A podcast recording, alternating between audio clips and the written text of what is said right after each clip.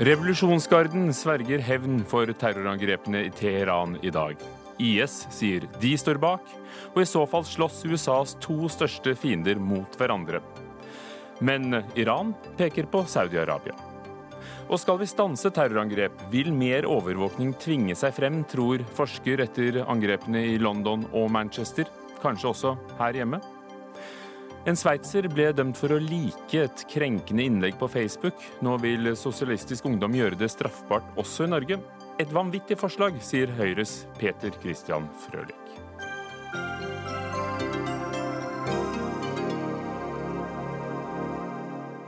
Verdenspolitikk og terror og hvordan vi reagerer på det, er tema som går som en rød tråd gjennom dagens Dagsnytt 18 med Ugo Fermariello. Velkommen. I Iran har revolusjonsgarden sagt at de vil hevne dagens doble terrorangrep i hovedstaden Teheran. Først ble nasjonalforsamlingen angrepet, så, omtrent en halvtime senere, gikk alarmen med Khomeini-mausoleet. I tillegg hevder myndighetene at de har avverget et tredje angrep. Sissel Wold, korrespondent i Istanbul. Hva vet vi nå om hva som skjedde? Er det troverdige opplysninger som kommer fra Teheran? Nå kommer det flere og flere eh, opplysninger fra vitner. Det er parlamentarikere som har vært inne i parlamentet. Det er eh, publikummere og religiøse pilegrimer som har vært inne i Imam Khomeini-mausoleet. Sånn at eh, sakte, sakte så blir disse bitene satt sammen, og så ser vi det store bildet. Hvordan har iranske myndigheter reagert på disse angrepene? Tolv mennesker døde. Til nå er det bare utenriksminister Javad Zarif som har sagt noe. Og han er her i Tyrkia, i Ankara. Han var meget blek og meget fattet. Vanligvis er jo dette en mann som smiler hele tiden. Han sa at eh, mine tanker og kondol eh, kondolanser går til eh, de etterlatte og ofrene. Og så sa han bare at Tyrkia og Iran må jobbe sammen for å se på de store utfordringene regionen har. Mer sa han ikke.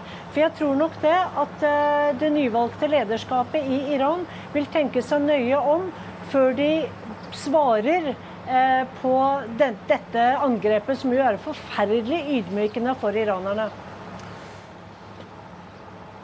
Terrorgruppen IS advarer at det vil komme flere anslag i Iran. Irans president Rouhani har akkurat uh, vært ute offentlig og, og sagt at dette uh, må føre til både regionalt og internasjonalt uh, samarbeid og, og, og enhet. Er det, er det nå over, eller frykter iranerne flere anslag?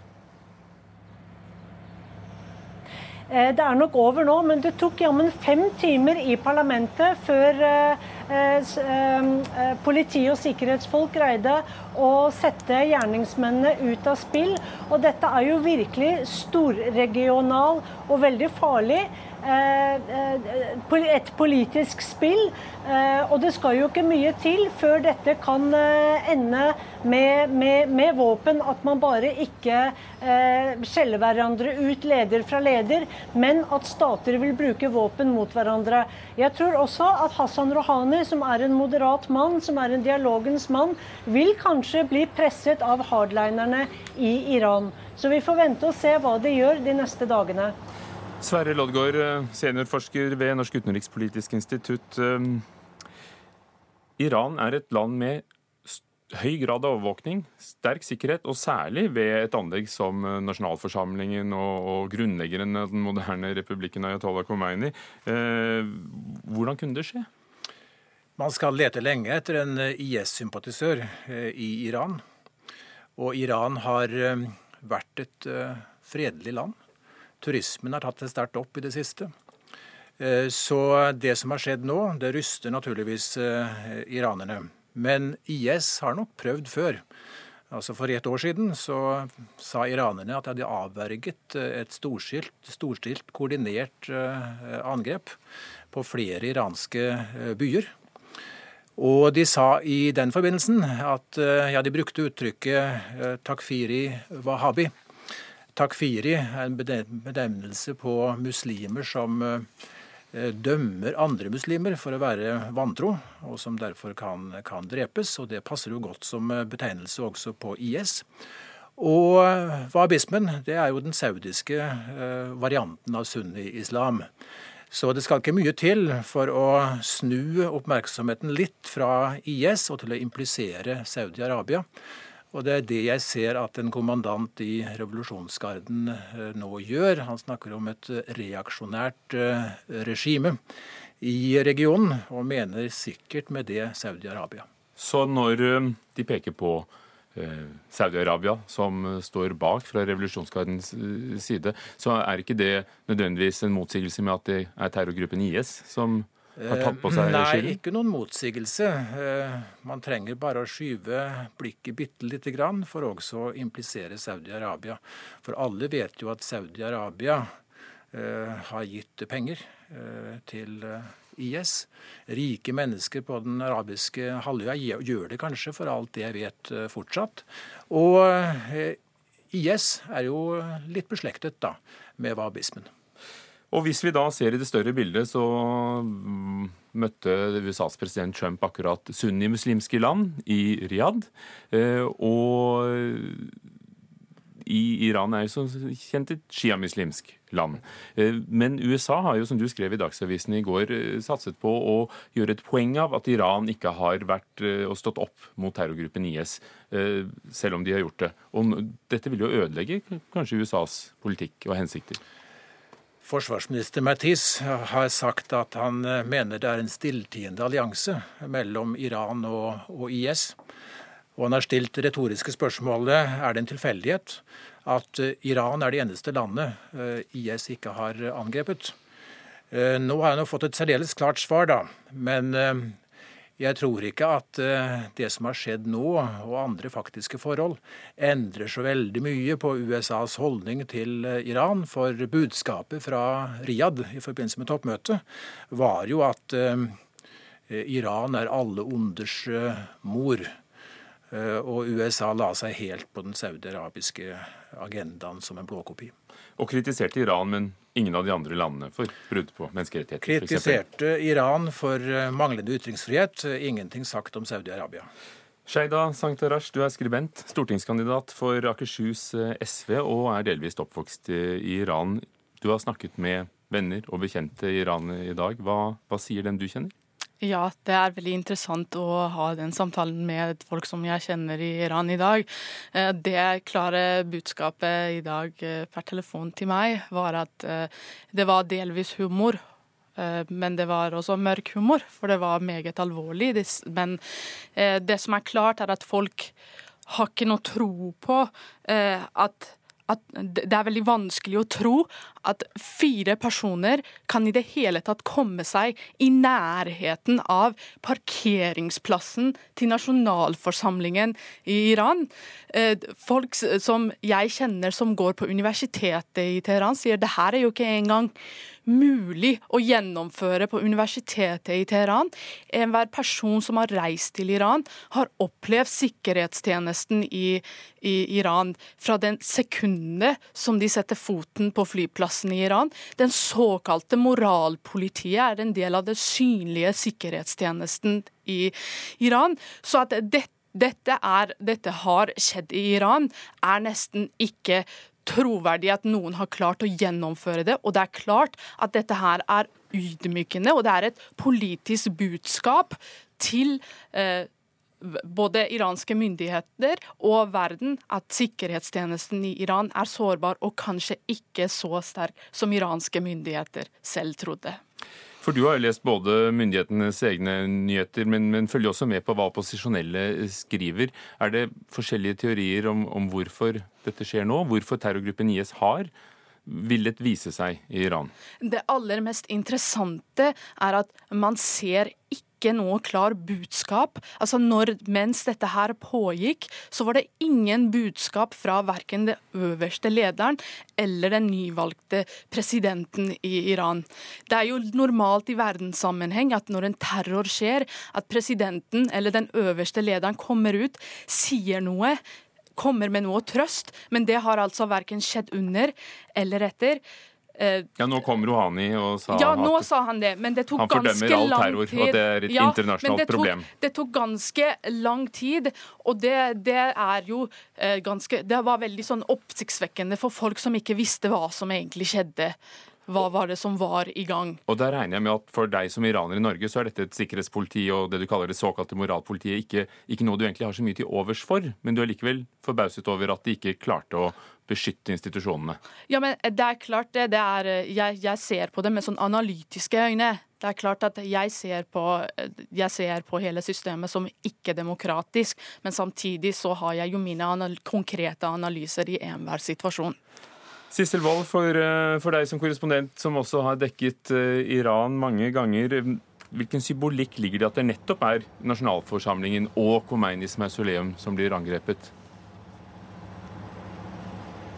Dette er jo to veldig symboltunge mål, ikke minst graven til eh, Ayatollah Khomeini. Det er et enormt, eh, enormt bygg over et stort område. Dit kommer det religiøse pilegrimer, veldig mange skoleklasser, andre mennesker som vil eh, vise respekt den, til den islamske republikken og Ayatollah Khomeini, som jo gjennomførte den islamske revolusjonen i 1979.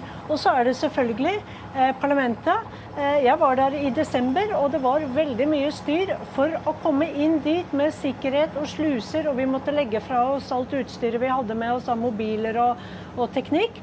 Men disse terroristene, de som tok seg inn der, de var da kledd i sjadorer, etter det vi hører. Eh, de var kledd som religiøse kvinner i Iran, og disse sjadorene er jo som store svarte telt.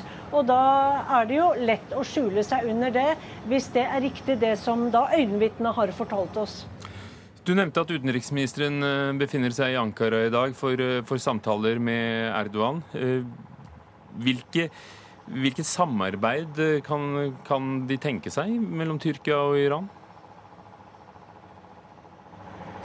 Det de skulle snakke om, det var krisen rundt Qatar. Fordi eh, både eh, Tyrkia har knyttet seg nærmere Qatar det siste året. Men eh, Tyrkia har også et greit forhold til Iran. Tyrkia leter jo etter andre venner nå som forholdet til Europa er dårligere. Eh, Qatar har bedt om vann og matforsyninger fra både Tyrkia og Iran. Men nå er det nok helt andre ting som kommer til å prege disse samtalene. Eh, og så er det også Syria som eh, er et tema for begge to. Iran og Russland står på den ene siden i Syriakrigen. De støtter Bashar al-Assad. Mens Tyrkia, jo sammen med Qatar og andre, har støttet eh, opprøret, de sunnimuslimske opprørsgruppene mot Bashar al-Assad. Og når det gjelder eh, Sverre Loddgaard ved NUPI, Qatar, som da er isolert av, av sine naboer, og et par andre land også. Hvordan påvirkes det av det som har skjedd i Iran i dag, med terrorangrepene? Qatar sier selv at dette, dette klarer vi å løse regionalt. Ja, Det håper de jo også for, for, sitt eget vedkommende. At det skal kunne løses med gode krefters hjelp. Det er jo flere som har tilbudt seg å megle. Men eh, det er jo en sammenheng her formodentlig da mellom budskapet fra toppmøtet og begge disse tingene vi snakker om. Eh, for det første, når det gjelder eh, Iran. Dette terrorangrepet var et angrep på den islamske republikken, på det politiske systemet. Og budskapet fra eh, Riyadh var jo da isolasjon av Iran og regimeskifte. Den første konsekvensen av dette var jo da det som skjedde med Qatar. Altså sanksjonene mot Qatar. Det var, jeg ser det som en ganske så direkte oppfølging av, eh, av det som skjedde i, i Riyadh. Så, som da er utsatt for en blokade, og befolkningen hamstrer mat, skip får ikke komme? Ganske, ganske omfattende, ja. Og så er det jo godt mulig da, at eh, de som har aksjonert i Iran nå, hvem det nå måtte være, har kjent en slags eh, inspirasjon fra det som skjedde i, i Riyadh. Så det er på en måte fellesnevneren. Kan du forklare igjen forskjellen på da det shia-muslimske Iran og de andre sunnimuslimske statene? Fordi Det virker jo paradoksalt at en islamistisk organisasjon angriper eh, nettopp en religiøs islamsk republikk. Ja, men da må vi huske på at uh, denne grenen av sunni-islam som uh, Saudi-Arabia, og særlig da IS, uh, bekjenner seg til, de ser altså på sjiaene som frafalne. Eh, som troløse. Og IS vil jo da si at de fortjener å bli, å bli drept. Så denne fronten mot, mot, Iran den har jo på sett og vis eksistert for IS' del i lang tid. Husk på. eh, Iran står i fremste rekke i kampen mot IS både i Syria og i, og i eh, Irak. Eh, vi har dette skillet, skarpe skillet mellom Shia og Sunni. Denne skarpe brodden fra IS mot, eh, mot sjiaene i Iran. De har prøvd flere ganger før å få ram på Iran, har ikke greid det av grunner som her er, er forklart. Og så er det jo med terrorismen slik at eh, ingenting kan garanteres. Og før eller siden, så, og nå da, så skjedde det også i, i Iran. Sheida Sanktarash, eh, nå var det et valg hvor den mer liberale og moderate Rouhani eh, ble valgt, og så skjer dette. Frykter du for at, eh, skal, at den politiske skruen skal strammes i Teheran? Ja, Det jeg frykter, er at folk i det iranske folkets stemme ikke skal bli hørt. For på tross av at vi har myndigheter i Iran som undertrykker både folket, minoriteter, aktivister, på tross av at vi har, regjering, vi har myndigheter i Iran som ikke klarer å kontroll, ha kontroll over økonomien i Iran pga. revolusjonsgardens mafiavirksomhet, så, så er det sånn at folk likevel eh, har her, vi snakker om et folk som har en revolusjon og en krig bak seg i sitt nære historie, og de har prøvd alt for å unngå at, at det skapes uro i Iran, eh, og at vi får Syria-tilstander. For dersom det blir opprør, altså sett, sett, med mine øyne som har kjennskap til Iran, så, så er det alltid, når det kommer eh, slike situasjoner, så er det så er det som, som, om det sendes et budskap til ulike befolkninger og folkeslag i Iran. Dette her kan også tolkes som et budskap til arabere i, i Sør-Iran. I den kontekst der Trump har reist og har snakket om isolasjon av Iran. Blir det opprør i Sør-Iran, så vil det skapes en farlig situasjon. Og der ligger jo alle de, de største oljeressursene i Iran. Vil det Lodgaard, destabilisere området? Eh, nei, det tror jeg ikke. Men jeg tror at revolusjonsguiden kan komme til å bli styrket, som, eh, som det er pekt på her. Eh, og den har allerede gått i spiss når det gjelder eh, reaksjonene på det som har skjedd. Og eh, dette er jo gjøkungen i det iranske politiske systemet. Og det kan komme til å skape problemer i neste omgang for de moderate og de eh, reformvennlige i, i, i landet. Og den nyvalgte presidenten. Og den nyvalgte presidenten som prøver å drive eh, revolusjonsgarden tilbake, i første rekke ut av økonomien. Og der må vi si takk. Takk, Sverre Loddgaard, seniorforsker ved Utenrikspolitisk institutt, Sissel Wold, vår korrespondent i Istanbul, og Sheida Sanktarash, varamedlem i SV sentralstyre og stortingskandidat for SV. Dagsnytt 18 alle hverdager kl 18.00 på NRK P2 og NRK2.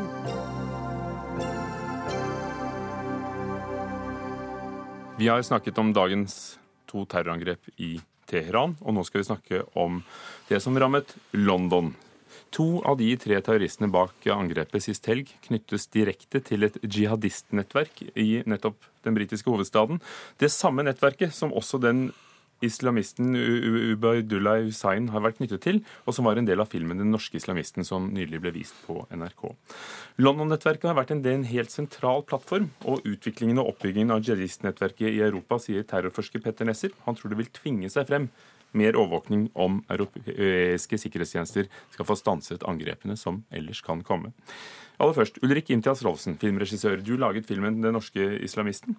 Og for noen uker siden hadde en premiere i, i London hvor dere hadde møtt det nettverket som Ubaydullah Hussein er en del av. Hvordan, hvordan øh, ble filmen mottatt?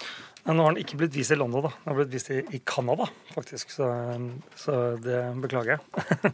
Start i London. Um, det er en film som, eh, som, viser et miljø som eh, dessverre er veldig kjent i England. Da. Han er jo Anjum Chaudhry eh, som leder denne gruppa. Etter at Omar Bakri, som er den ideologiske lederen, har blitt fengslet i, i Libanon.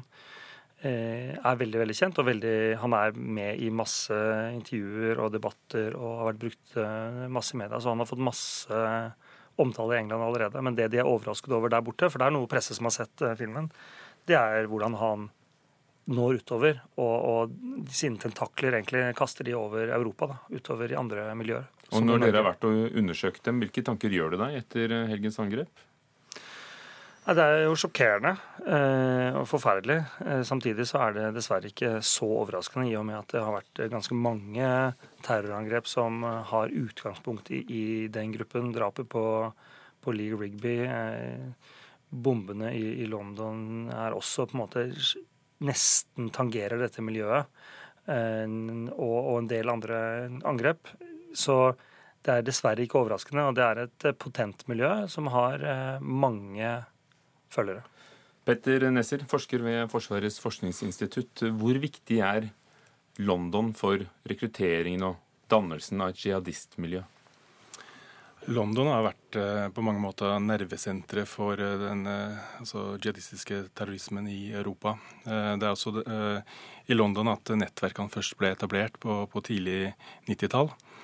Eh, og det er i London eh, de viktigste ideologene har vært, sånn som Omar Bakri, som, som Ulrik nevner, men også Abu Hamza og Abu Qatada, som er kjente ideologer som har vært der. Så det har vært en viktig plattform for rekruttering, og mobilisering først og fremst, eh, og også et utspring da, altså for spredning av nettverk ut, utover Europa. Hvis vi ser litt sånn på, på utviklingen av fenomenet i Europa over tid, så så, så, det, så, kan man nesten si det sånn at hvis du graver litt i, i, rundt forskjellige terrorsaker rundt omkring i Europa, så finner du nesten gjennomgående en eller annen slags forbindelse tilbake til London. Så er paradokset at uh, når mediet da finner frem til naboene til uh, gjerningsmennene som uh, da selv ble drept under angrepet i London, så sier de fleste at neimen, dette var jo en helt vanlig person. Fremsto overhodet ikke som en jihadist. Eh, I hvert fall ikke en ekstremist engang. Eh, er det noe som skjer plutselig, eller er det noe som skjer over tid? Når, det, når, det, gjelder de beskrivelsene som kommer fram like etter et angrep, eh, så må man huske på at det er små biter av informasjon som ikke nødvendigvis på en måte reflekterer tida i forkant av at personen har blitt involvert i en voldelig handling Eh, det kan være faktisk informasjon som skriver seg fra langt tilbake. Eh, det som er, eh, i hvert fall ut fra min erfaring, så, så skjer ikke radikalisering over natta. Det kan skje fort, så lenge du kommer i kontakt med et miljø, et nettverk, der du blir utsatt for ensidig påvirkning fra lederskikkelser, entreprenører og propaganda. Eh, men så lenge det her skjer intenst, eh, sånn som det gjør innenfor det, eh, her type nettverk, så kan det gå relativt fort, men det skjer ikke over natta. Og som regel så involverer det også sosial kontakt opp mot andre ekstreme. Sånn at dette med internett, ren internettradikalisering er nokså sjelden, f.eks.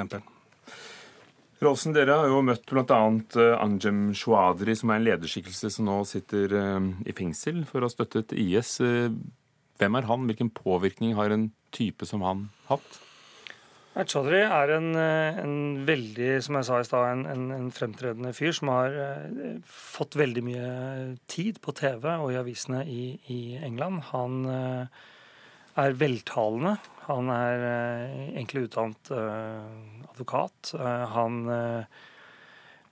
han er en, en sterk retoriker som, eh, som, kan sin historie, eh, og, og bruker den, eh, den kunnskapen han har, til å fremme et, et ganske så forkvaklet syn.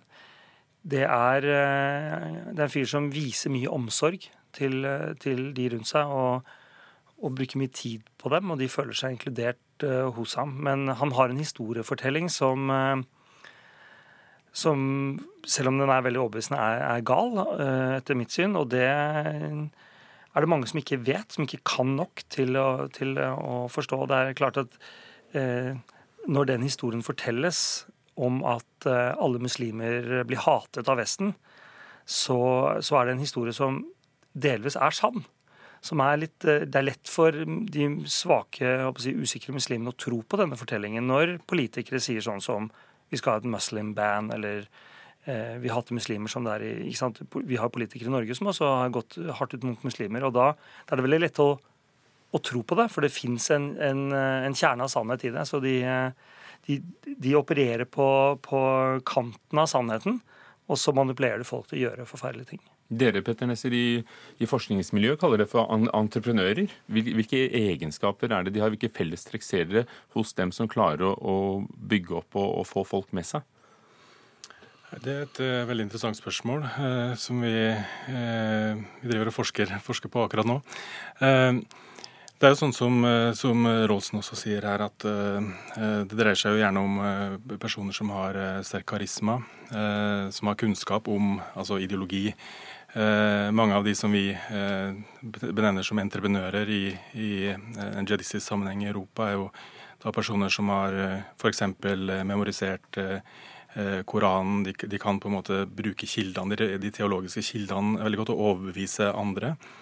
De er også gode til å organisere, de er flinke til å manipulere.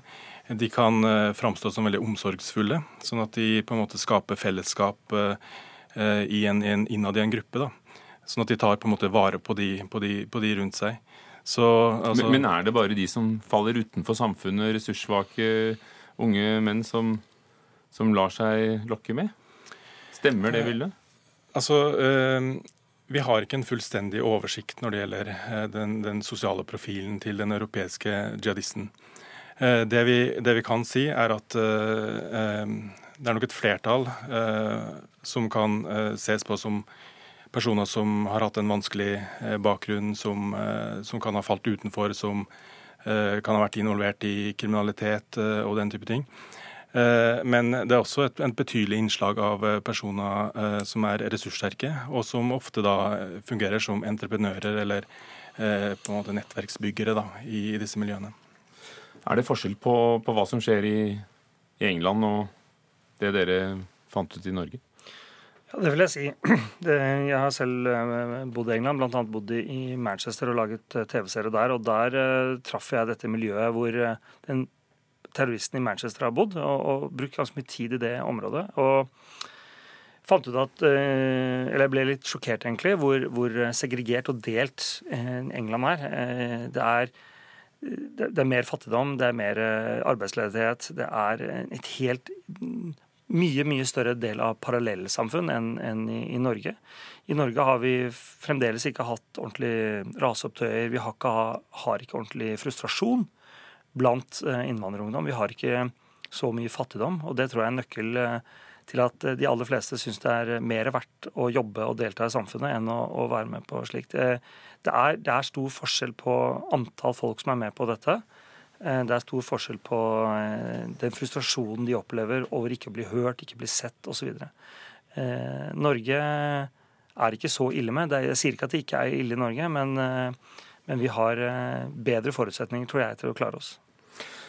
Nesser, vi snakker her om radikalisering, påvirkning. Hva gjør at folk blir da ofre kanskje for propaganda. Men, men, i virkeligheten er jo dette også en krig mellom vestlige land og en terrorgruppe, IS, eh, som foregår bl.a. I, i, i Syria, eh, hvor, hvor da organisasjonen sier at dette er svar på den krigen.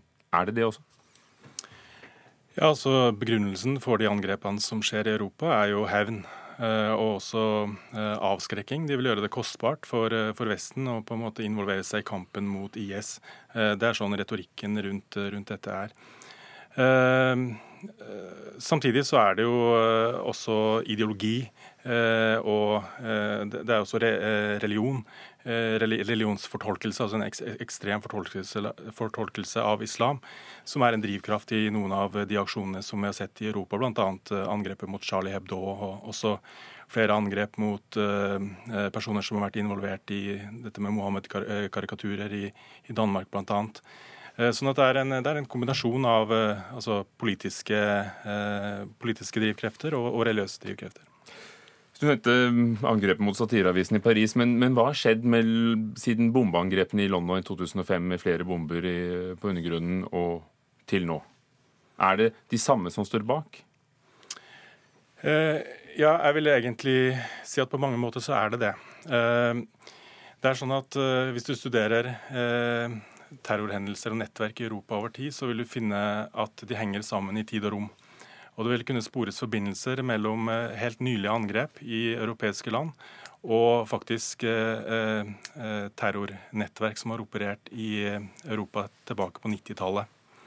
Det er jo eksempler på det fra, det, fra, det, fra seneste, det seneste angrepet i London. At personer involvert har hatt, har hatt forbindelser til, til, personer som var involvert i nettverket bak London-bommene i 2005.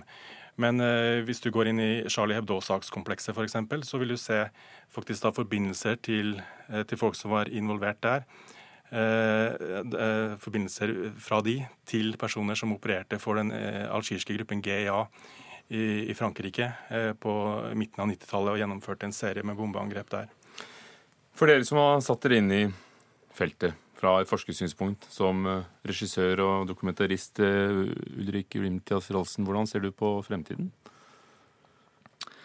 Nei, jeg eh, ser jo at det er en krig som heller bensin på dette bålet hele tiden.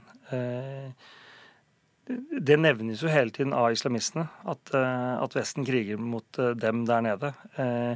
Hvorvidt det er på en måte sant eller ei, så er det i hvert fall den historien de forteller. Eh, nemlig at det er mot dem. Da. De, de, de, de drar jo opp konflikten Israel-Palestina også hele tiden for å rettferdiggjøre sine, sine handlinger, og, og, og, særlig da Syria-konflikten nå. Eh, og i Norge så vet jo nesten ikke folk at Norge er med og kriger der nede. Og det vet jo de. De vet det veldig godt. De har sine kanaler. De, de er veldig observant og følger med på alle detaljer på hvem som gjør hva i disse landene. Så eh, krig avler krig, tror jeg. Da. Så det er, eh, det er, skummelt. For hva skal man ellers gjøre? Jeg vet ikke, jeg har ikke noe svar. Men eh, så lenge det er uro der nede, så tror jeg det blir uro her oppe også. Petter Nesser, du har skissert utviklingen bakover i tid. Hvordan ser du det fremover? Så har også et eh, pessimistisk syn på framtida når det gjelder det her. Jeg tror vi kommer til å se fortsatte angrep i Europa og andre steder i verden som springer ut fra, fra IS. Eh, jeg tror det vil framprovosere eh, harde mottiltak, eh, militære mottiltak, mer overvåkning. Som igjen da kan, kan, bidra til å radikalisere andre, eller at IS og andre jihadistaktører kan, kan, spille på dette for å rekruttere inn nye. da. Og hva sier du til dem som f.eks. en Harvard-professor i Aftenposten i dag som sier at vi, vi gir terrorisme for mye oppmerksomhet, eh, at eh, vi reagerer på en måte som gjør problemet større. Burde vi tiet mer? Eh, vi gir nok terrorisme altfor mye oppmerksomhet. Altså, terrorisme trenger oppmerksomhet for å Altså, det er en del av eksistensberettigelsen til, til terrorisme.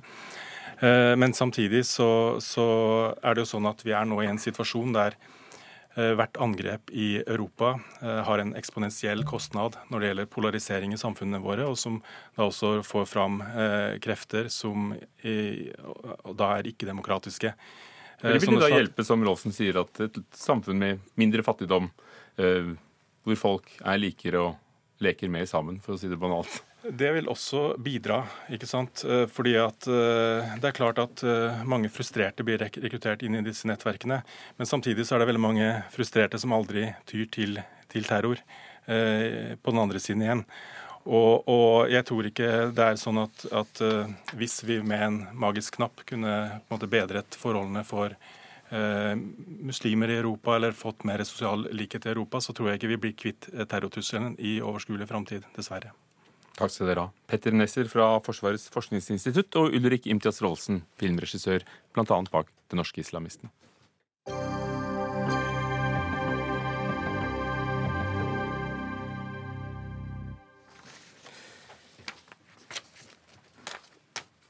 Så hørte vi altså forskere som tror det vil tvinge seg frem mer overvåkning hvis vi skal bekjempe terror. Storbritannias statsminister Theresa May vil ha lagring i alle søk vi gjør på internett, og dette er vel et eksempel på, på nettopp det vi hørte Petter Nesser fra Forsvaret si nå nettopp. Tord Hustveit, leder i Unge Venstre. Vil du si at overvåkning fungerer i kampen mot terror?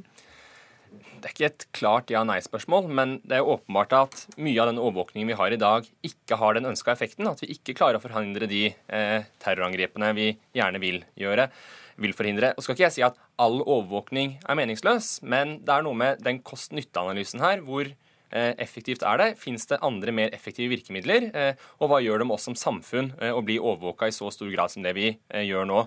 Så kan man si sånn har, Betyr det noe for oss? Ja, det gjør det.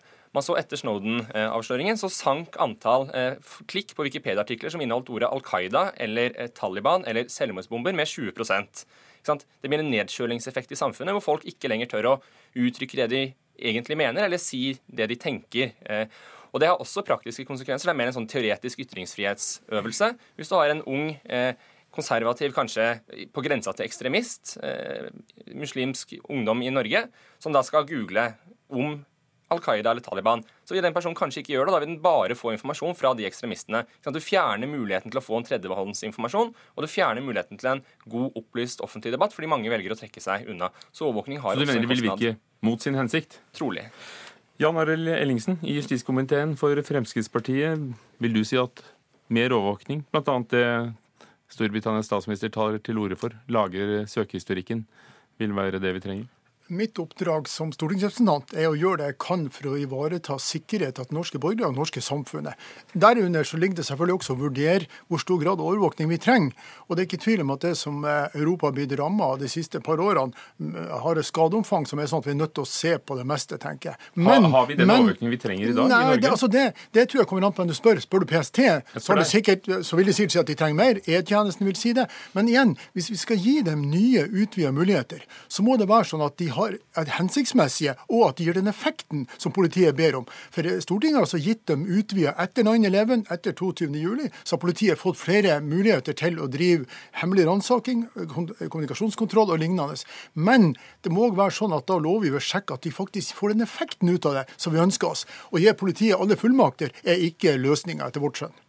Men det er vel opplevd Hustveit, at i dag har vi tydeligvis ikke nok midler til å forhindre de angrepene som har forekommet?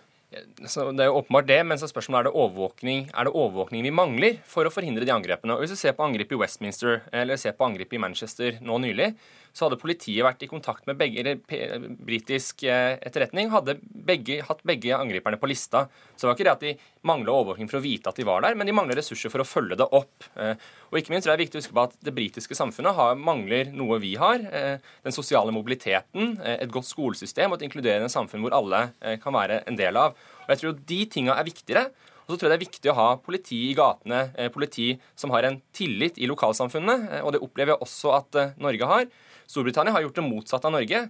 De har kutta i antall politistillinger. Her har vi økt antall politistillinger de siste årene. Og ikke minst, vi gjennomfører en reform av politiet for å få mer politi ut i gatene. Det tror jeg er mer riktig vei å gå enn mer overvåkning. For mer overvåkning har en stor kostnad. Og dette har jo ført til en real oppvask og debatt i England om hvordan politiet og sikkerhetstjenestene fungerer. Men du aksepterer at det skal være en grad av overvåkning. Altså, og hvor skal den grensen gå? Nei, Jeg tror vi har gått for langt eh, i Norge i dag. Eh, som sagt her, Siden eh, 11.9. Og, og for så vidt 22.07. har vi innført en rekke med nye eh, tiltak. Alt fra romovervåkning, og nå kommer dataavlesning. Eh, det er en debatt om man skal få et digitalt grenseforsvar. Eh, og jeg frykter at det er med på å endre Norge. Både den offentlige ordskiftet som jeg om i sted, men også tilliten mellom samfunn og borger. Men igjen, balansepunktet er hvor langt må man gå for å ha nok grad av sikkerhet for sine borgere? Og Overvåkning alene kommer ikke til å løse det her. Jeg tror det handler om flere ting. Det kommer til å handle om internasjonalt politisamarbeid som må styrkes. Man må bli flinkere på profilering. Hva skal vi se etter? Hva slags ting trigger forskjellig respons hos politiet og hos myndighetene. Eh, F.eks. på Gardermoen.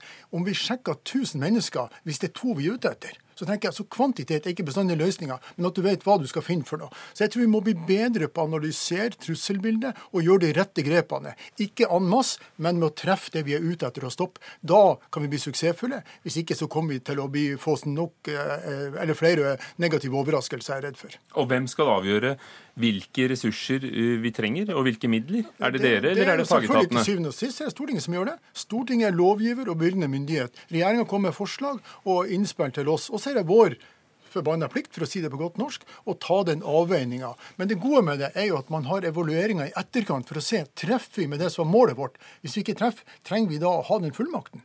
Så igjen så oppfatter jeg at det er en ganske god dynamikk mellom Stortinget som lovgiver og de etatene som gjør jobben. Og det er med å øke graden av sikkerhet for oss. Og både i England og i Norge er det da kommet en debatt om hvorvidt politiet skal være bevæpnet eller ikke. I London har vi den situasjonen at uh, Londons politisjef sier at hun går imot en generell bevæpning av politiet. Men er for en opptrapping av disse spes topptrente spesialstyrkene, som var nettopp dem som klarte å uh, skyte gjerningsmennene etter åtte minutter fra den første nødsamtalen sist lørdag.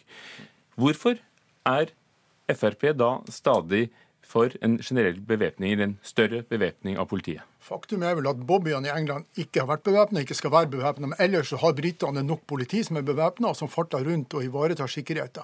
Jeg syns eksempelet fra London viser at et bevæpna politi som er godt trent, er i stand til å ta ut og stoppe en situasjon i løpet av åtte minutter. Det står altså stor respekt av. Men det er jo nettopp spesialstyrker, ja, men, og, ikke men, de vanlige konstablene. nei, det har du helt rett i. Men igjen, i Norge så har vi altså ikke sånn gradering på det. Vi har, I Norge så må du ha trening på det, du er opplært til å bruke skytevåpen. Og vi mener at hvis det oppstår en situasjon da skal altså folk slippe, politifolk slippe å gå tilbake til bilen, finne våpenet sitt og så gå ut og gjøre jobben. Da risikerer vi å miste flere menneskeliv enn det som er nødvendig. Nei, jeg synes Det er flere problemer med Frp sitt resonnement. Og Det første er jo det at skal bevæpna politi fungere, så må politiet være til stede der terrorangrepet skjer, idet det skjer. Eh, og jeg tror jo Terrorister er jo, er jo tilpasser seg. Eh, hvis de ser at vi bevæpner politiet, vil de begynne å slå til på områder hvor det ikke er eh, politi til stede. Og Da er vi på en måte tilbake til start, men vi har mista en viktig samfunnsverdi, nemlig at politiet ikke er bevæpna. Eh, det andre eh, er at vi har jo allerede i dag framskutt lagring i politibilene. Eh, så når politiet rykker ut, kan de hente våpen i bilen, på samme måte som det elitetrente politiet i Storbritannia rykker raskt inn, så vil norsk politi også kunne rykke raskt inn, og da vil de ha våpen med en gang de er der. Jeg oppfatter at Venstre uttrykker en mistillit til norsk politi, som jeg tar sterk avstand fra. Norsk politi er gjennomgående godt trent, de har det utstyret de trenger, men det er ingen grunn til at vi skal legge inn en forsinkelse på dem, som i verste fall rammer uskyldige mennesker. Men det må det være forskjell på vanlige politifolk med pistol og de som bare driver med dette? Topptrente? Ja, det kan du selvfølgelig si. Men i Norge har vi altså heldigvis begge delene. Vi har beredskapstroppen og andre som har ordinær tjeneste, men også vanlig politi som går ut av Politiskolen, må ha opplæring og være i stand til å bære én- og tohåndsvåpen. Ja, dette handler ikke om mistillit til politiet, men det handler om at Nei, det gjør jo ikke det. Det handler om hvilke verdier vi ønsker som samfunn. Eh, og man har sett eh, Ekspertutvalget på bevæpning av politi sa at tilliten til politiet faller når det er generell bevæpning, og særlig grupper med lav tillit fra før. Så det, det, mener jeg er viktige verdier, at vi har et politi det er lett å ta kontakt med. Eh, og da er det er best når det ikke Politikk er bevæpna. Politikk handler om å stå for noe. handler om verdivalg. Fremskrittspartiet er tydelig på at et bevæpna, godt trent norsk politi gir økt sikkerhet, ikke det motsatte. Og akkurat den verdien vi står for, er jo da at vi skal ha et ubevæpna politi med tett kontakt ja, mellom politi og publikum. Motsetninger mellom verdiene til Venstre. Takk, Tord Hustveit, leder av Unge Venstre, og Jan Arild Ellingsen fra Fremskrittspartiet i justiskomiteen.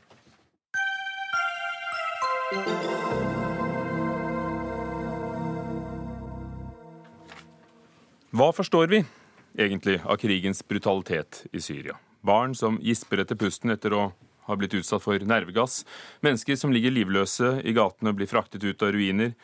Ofre med tomme øyne som vi ikke engang vet av bildene vi ser, om er i live eller ikke. På NRK Ytring i dag skriver frilansjournalist Pål Refsdal at vi bare får et veldig begrenset innblikk i krigens brutalitet og bestialitet. Pål Refsdal, du har selv rapportert fra flere krigsområder, også Syria. Hva er det du mener at vi, norsk presse og TV, viser for lite av? Ja, det er, altså det er, jo egentlig en generell bekymring jeg har, at vi viser for lite av brutaliteten. Dvs. Si vi viser for lite av resultatene av krigsforbrytelser. Eh, for lite faktisk døde mennesker, sårede mennesker. Eh, folk mister egentlig skal si, eh, forståelsen av hva, hva krig innebærer, ved å ikke å bli på en måte skånet for disse bildene. Bakgrunnen for at du tar til orde for dette, er den filmen Urix spesial skal vise på NRK2 i kveld. 'Livredderne fra Aleppo', som handler om eh, disse frivillige med de hvite hjelmene som nettopp redder folk ut av ruinene etter eh, bombardementene. Hva er det denne filmen gjør, som du syns er en god ting? Ja, altså For det første så er det jo en utrolig god film, og jeg anbefaler alle som er interessert i, i Syria og interessert i, i, internasjonal politikk, å se filmen. Eh, det den gjør, eh, altså eh, som kanskje ikke nyhetssendingene gjør, det er jo å vise hverdagen i krig også med de si, brutale sidene. Du har døde barn som blir trukket ut av ruinene, skrikende, gråtende barn som blir trukket ut av ruinene etter syriske bombeangrep. Per Arne Kalbakk, etikkredaktør her i NRK. Hvor går grensen for hva NRK vil vise? Det er nok vanskelig å trekke opp noen absolutt, eh, absolutt grense for det. Det kommer an på sammenhengen. Eh, men det er i hvert fall et skille som vi, som alle andre TV-kringkastere har, og det er det såkalte vannskillet. Som sier at uh, før, før, klokken ni om kvelden så skal man ikke vise spesielt sterke, grusomme scener. Og så er det nå riktignok et unntak for nyhetssendinger i, dette vannskillet, men normalt sett så viser vi ikke som hovedregel viser vi ikke bilder av mennesker eh, som er døde som følge av krigshandlinger, som er, som er sterkt såra eller i sterkt nedverdigende situasjoner, eh, som det heter. At da skal det være en motivasjon. Men så gjør vi det eh, noen ganger. Det kommer til å gjøres i kveld bl.a. i forbindelse med visning av den dokumentaren. Og også for å vise også fram mer av det som faktisk er de reelle konsekvensene for noen av de som blir rammet av krig. Ser krig veldig annerledes ut når du har vært i felten og, og når du leser om det her? Absolutt. Altså, jeg, jeg, lærer stort sett ingenting fra norsk TV når det gjelder krig. Men, Så, men, det er spesielt. Du har vært der, du har dekket det, du har blitt vant til å se mye. Må vi virkelig se grusomme situasjoner? Mennesker som selv er ofre. Altså, må vi se det for å forstå at dette er altså, grusomt? Klart, klart, det må jo finnes grenser. Altså, vi, vi, vi lager ikke snuff-filmer. Eh, men, men, jeg tenker at altså, så lenge Norge skal ha en utenrikspolitikk, så mener jeg at folk også har rett til å se hva måte, hva som skjer utenfor landets grenser. Eh, hvis vi skal ha meninger om eh, krigen i Syria, så mener jeg at folk bør ha et innblikk i hva som skjer. Og det som skjer, er jo massive krigsforbrytelser. Altså, det er jo over 206 000 sivile som er blitt drept i løpet av de årene som det har vært krig der. og Det er veldig mye. Kalbakk Refsdal nevner bl.a. i kronikken på, på, NRK Ytring at slike krigsforbrytelser blir filmet og lagt ut på sosiale medier nesten daglig. Ville det ikke vært bedre at det da skjer i en ramme av de nyhetene som bl.a. Eh, Dagsrevyen eller TV 2 eller andre eh, lager, og at ikke folk ser det tatt ut av en sammenheng i sosiale medier? Jo, jeg mener det er riktig og veldig viktig at vi noen ganger gjør det og setter det inn i en ordentlig ramme. Og jeg er helt enig med Pål Refsdal i at noen av disse virkelig grusomme konsekvensene av krigen også må vises fram. Men jeg mener ikke at det er riktig at vi gjør det hver gang. For det, da tror jeg du får en effekt av at du gjør bare folk numme. Eh, for det første at man til slutt ikke reagerer på å se folk i den ytterste nød, eller folk som har blitt drept i bombeangrep, eh, eller hva det måtte være. Men at vi, at vi noen ganger gjør dette. Men jeg mener at som redaktørstyrte medier så må vi ha en motivasjon for dette. Vi må sette det inn i en sammenheng, og vi må faktisk gjøre vårt publikum oppmerksom på at her kan det være veldig sterke scener de gangene vi gjør det. Er vi mer forsiktige enn andre land? Andre europeiske?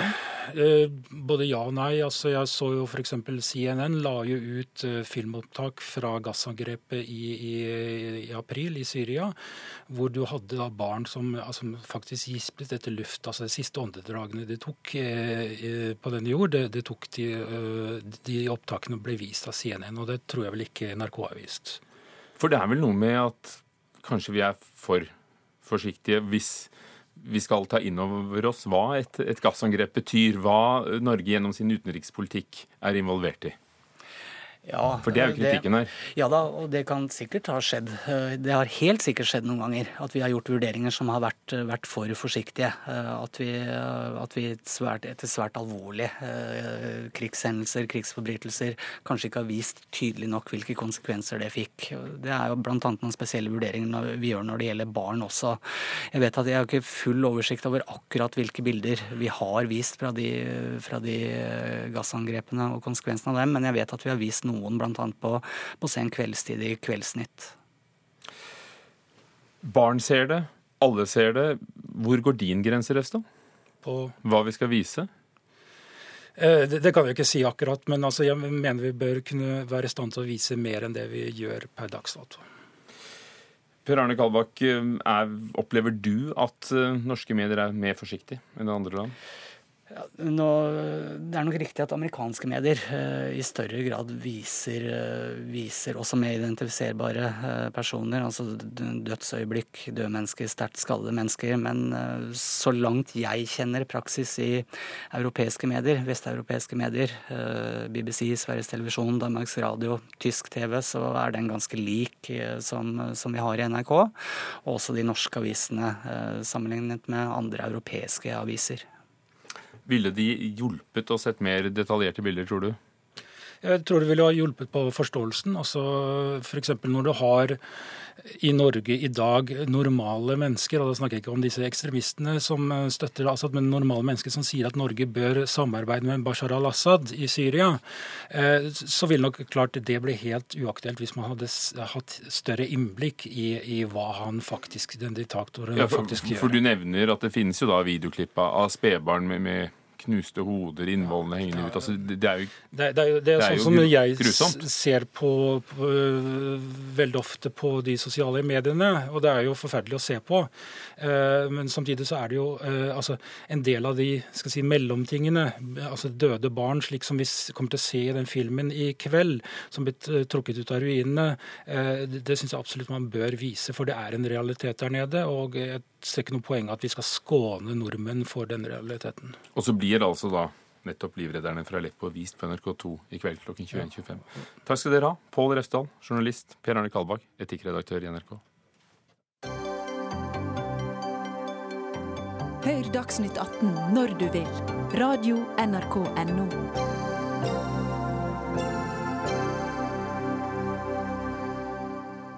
I forrige uke ble en mann i Sveits dømt for å ha likt et eh, ærekrenkende innlegg på nettstedet Facebook. Det var rasistisk og det var antisemittisk, og han hadde trykket 'liker', og det ble han dømt for. En dom fra Oslo tingrett eh, slo derimot i 2014 fast at det ikke er straffbart å like en kommentar. Men det mener dere i Sosialistisk Ungdom at det bør være. Andrea Sjøvold, du er leder i SU. Hvorfor? Det her handler om at eh, hatytringer, eh, straffbare hatytringer på nett og netthets generelt er den største trusselen vi har mot ytringsfriheten i Norge.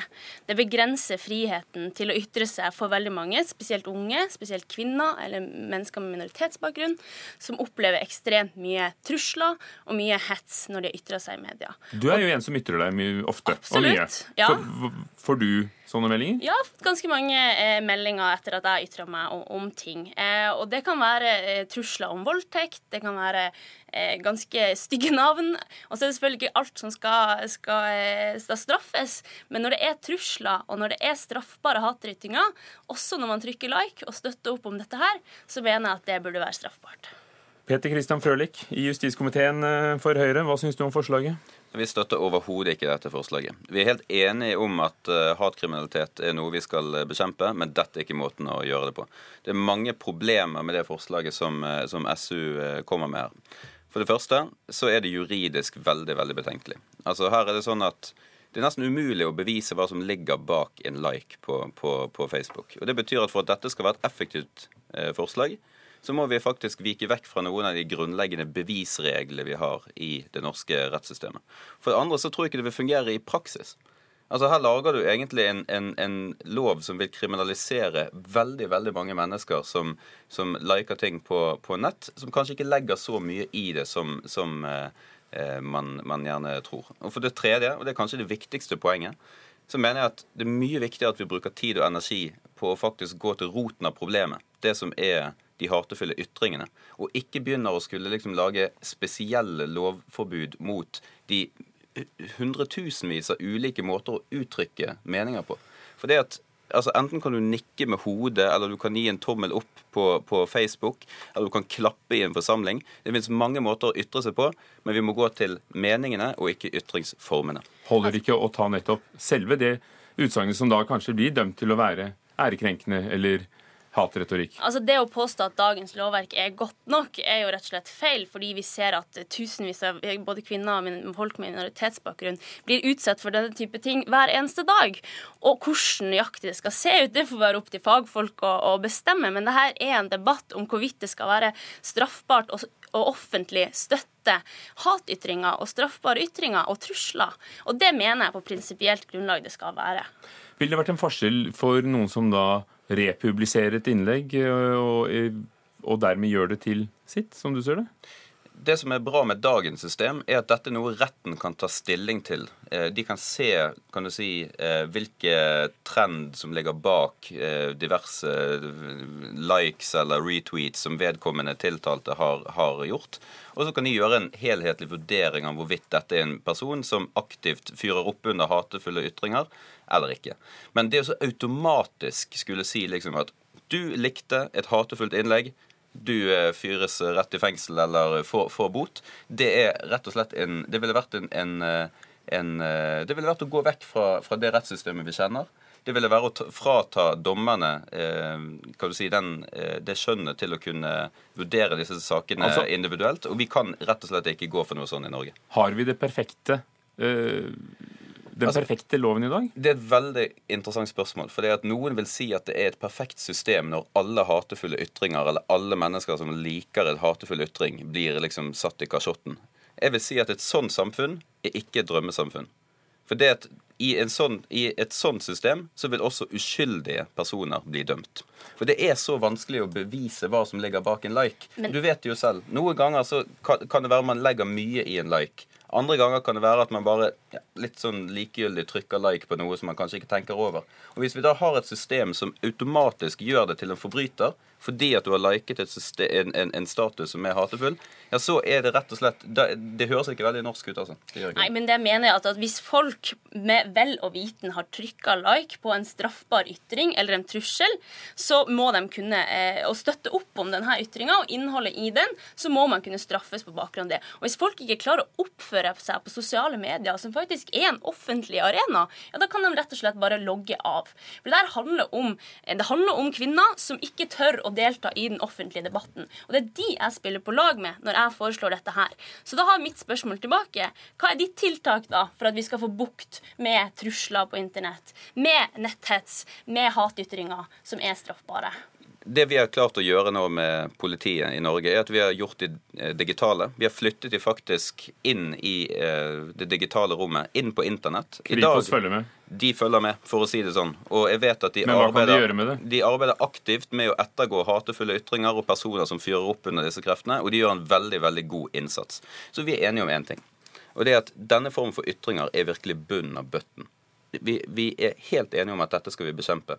Men vi må bare huske på at virkemidlene vi tar i bruk, de må være tilpasset det rettssystemet vi faktisk eh, har og, og, ønsker oss. Vi kan ikke gå for langt. Dette forslaget vil være dessverre å gå altfor altfor langt. Frølik, Sveits er vel også i dine øyne en rettsstat mm. med, med, en lang tradisjon mm. som en rettsstat. Mm. Og, og, det er jo ikke sånn at det sitter tusenvis av mennesker i kasjotten, men de har altså ved noen anledninger, som i forrige uke, kunnet dømme en mann. Ja. Det handler vel om å bruke et lovverk nennsomt, men at det skal være en mulighet? Ja, og det kan vi gjøre i Norge i dag òg.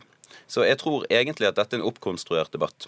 Jeg tror, at, jeg tror at dersom vi har personer som vi ser systematisk har vært med på å fyre opp under hatefulle ytringer, gjennom likes, gjennom retweets, eller de har stått på gaten og jublet og klappet, så går det an å, å domfelle dem. Men heldigvis så har vi fortsatt da beviskravene det skal være vanskelig å dømmes for en sånn ting, for ellers så risikerer vi at uskyldige også går med i dragsuget. Men altså, det, det, du sier at Vi er enige om at det her er bånn i bøtta. Det her er det, det kjipeste, noe av det kjipeste som mm. finnes i samfunnet. Problem, Skillet mellom oss er at jeg har forslag til hvordan vi skal gjøre noe med det, og du sier vi må fortsette sånn som vi gjør det i dag. Ah. I tillegg til at vi må straffe folk som, som eh, liker vel viten eh, straff, straffbare ytringer, så må vi også gi ytterligere ressurser og kapasitet til politiet for å følge opp de hatytringene. Vi må også føre statistikk på om dette her blir forfulgt. Denne etterforskninga blir forfulgt. Og det er det masse menneskerettighetsorganisasjoner som har eh, spurt Norge om å gjøre, men vi velger å ikke gjøre det. Andrea Sjøvold, i, i, den saken NRK Kulturnytt laget i dag tidlig som handlet om dette, så sier en av våre skarpeste advokater på dette området, sosiale medier og juss, Jon Wessel Aas, at, at man kan se for seg også i dag at man kan bli holdt ansvarlig for medvirkning til en straffbar ytring hvis man trykker liker.